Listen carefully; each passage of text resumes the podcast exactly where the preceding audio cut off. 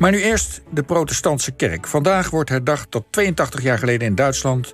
in de nacht van 9 op 10 november de Kristalnacht uitbrak... waarbij duizenden Joden moesten vrezen voor hun haven, goed en leven. Bij die herdenking spreken de protestantse kerken in Nederland... een schuldbeleidenis uit. Ze erkennen dat ze zijn tekortgeschoten... bij het beschermen van de Joodse Nederlanders. Ja, een mooi, maar wat laat gebaar. Want het Koningshuis, de overheid en de Nederlandse spoorwegen gingen de kerken al voor. Maar hoe moeten we naar die schuldbeleidenis kijken? Is ze aan de raad de kant, maar is ze desondanks toch op zijn plaats? Bij ons historicus en kenner van het protestantisme, Wim Berkelaar, een van de auteurs van het boek Een oorlogsplakette ontrafeld. Dat gaat over in de oorlog omgekomen studenten uit het verzet aan de Protestantse Vrije Universiteit in Amsterdam. Wim Kom, uh, Wim Kom, zei ik nou echt Wim Kom. Wim, welkom bedoel ik natuurlijk. Die schuldbeleidenis, wat staat erin? Wat gaan we horen vanmiddag? Nou, in die schuldbeleidenis staat uh, wij, wij, dus protestantse kerk in Nederland, protestanten uh, in het algemeen, hebben gefaald in denken en doen, in handelen en houding, nou, enzovoort. Dat, dat is het idee. En het, uh, ze maken een onderscheid tussen individuele leden van de kerk en de houding van de synode. Dus de synode, dat is de landelijke kerkenvergadering, die spreekt namens die kerk. Ja, maar die waar hebben ze dan precies in gefaald? Wat hebben ze nou, nagelaten? Nou ja, wat ze, wat ze nagelaten hebben, en zelfs in negatieve zin toegevoegd, is natuurlijk een soort anti-Joods geluid in, uh, in de theologie. Dat betekent heel simpel dat Jodendom werd beschouwd als geestelijk achterhaald. Uh, want immers christendom is er. Dus Joden hebben het eerst geboorterecht. Dat geeft natuurlijk die jaloezie uh, in zekere zin bij het christendom. Uh, Jezus moet aanvaard worden als verlosser.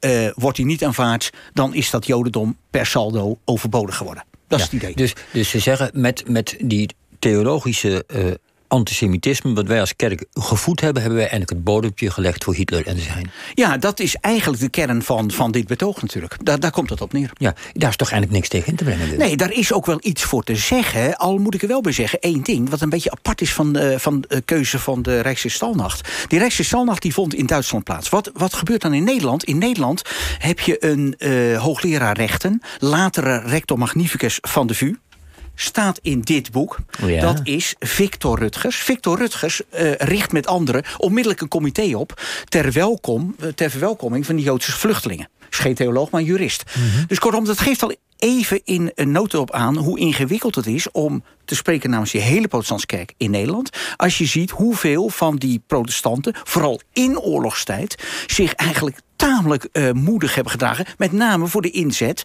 voor het Joodse volk. Ja, ja, er zijn ook allerlei verzetsgroepen geweest. Er is de dagblad Trouw is eruit voortgekomen. Nou, nou, dat is een goed voorbeeld. Maar je ja, hebt dus een ingewikkelde dubbele situatie. Aan de ene kant heb je een antisemitische theologie en uh, manier van denken die door de kerken geïmplementeerd is, ook door de katholieken overigens, laten we daar ook even duidelijk over zijn.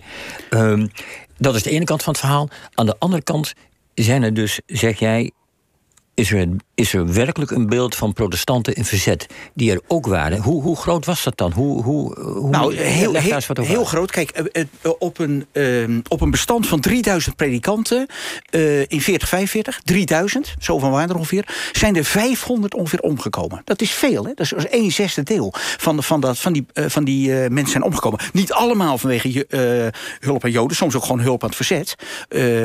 ondersteuning van allerlei onderduikers die dus Joods en niet-Joods waren, maar toch het merendeel Joods. Nou, dat zegt toch wel iets. En, en dan vind ik het. Dan, en dan let op, dan is nog een tweede punt is dat ze zeggen: ja, maar de kerk heeft op, uh, op landelijk niveau gefaald. Maar dat is ook niet helemaal waar. Want kijk, in oktober 1940 worden uh, Joodse ambtenaren in Nederland ontslagen. De kerk, je zou zeggen, ja, wat moet die kerk doen met die ambtenaren? Maar de kerk protesteert als een van de weinigen onmiddellijk tegen die uh, ambtenarenverklaring. Ander voorbeeld is de Arië-verklaring. Die Arië-verklaring, uh, najaar van 1940, dat zegt... Um, bent, bent u Jood of niet Jood? Nou, heel veel mensen hebben toen gedacht... 90% heeft gedacht, ik, ik heet Jansen, uh, ik ben niet Jood, geen probleem. Maar het probleem is natuurlijk dat je onmiddellijk een onderscheid aanbrengt... voor de, voor de bezetter. Oké, dat is een Jood en dat is geen Jood. Dus, en, dan, en dan krijg je dus een brochure van een predikant... die breed verspreid is door allerlei mensen. 30.000-voudig is die verspreid in Nederland bijna te laat met de gevleugelde woorden, let op, najaar 1940. Ze, de Joden, gaan eruit en ze gaan eraan. Dat is een voorspelling die een paar jaar later een bittere werkelijkheid is geworden. En dat is gewoon een dominee. Hervormd predikant Jan Koopmans, even met ere genoemd. Ja, dus, dus eigenlijk komt het erop neer dat je zegt... Uh, het, het, het beeld is zodanig dat er uh, heel veel protestant verzet is. Als je het dan vergelijkt met de rest van het land... met ambtenaren of politiek of weet ik veel wat. Uh, nou, doen ze het dan beter? Ja, zeker. Nee, kijk, als je vergelijkt met het ambtenarenapparaat... of je vergelijkt bijvoorbeeld met een notariaat... dan, is, dan, dan springen die kerken eruit. Mhm. En dat is, het is bijzonder, omdat er inderdaad wel een anti-judaïstische theologie... altijd voor die oorlog was. Die, hebben, die is natuurlijk altijd geweest. Dus het maakt het des te bijzondere. Dat ze, maar ze zijn, kijk, het, het is het ambivalente wat je natuurlijk in het christendom hebt.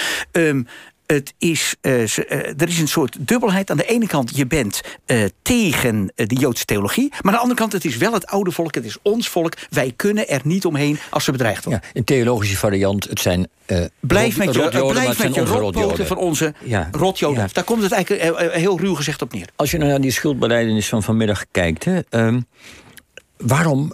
Wat is de oorzaak dat het nu komt? Heb jij, want je zou zeggen, wat jij nu zegt, dat weten de protestantse kerken ook. Dus hebben ze dan Waarom doen ze dit dan toch? Waarom staat er niet een passage in van... dit is, eh, theologie is fout, maar we moeten erop wijzen... dat veel van onze voorgangers goed waren? Staat dat er überhaupt in? Nou ja, kijk, het probleem is... wij weten slechts fragmenten omdat het uitgelekt is in trouw. Die, de kerk zwijgt tot vandaag uh, in alle talen. Dus we weten niet wat erin staat. Is ook de, de, de echte inhoud verder is nog niet uitgelekt. Um, maar mijn, uh, waarom ze doen is...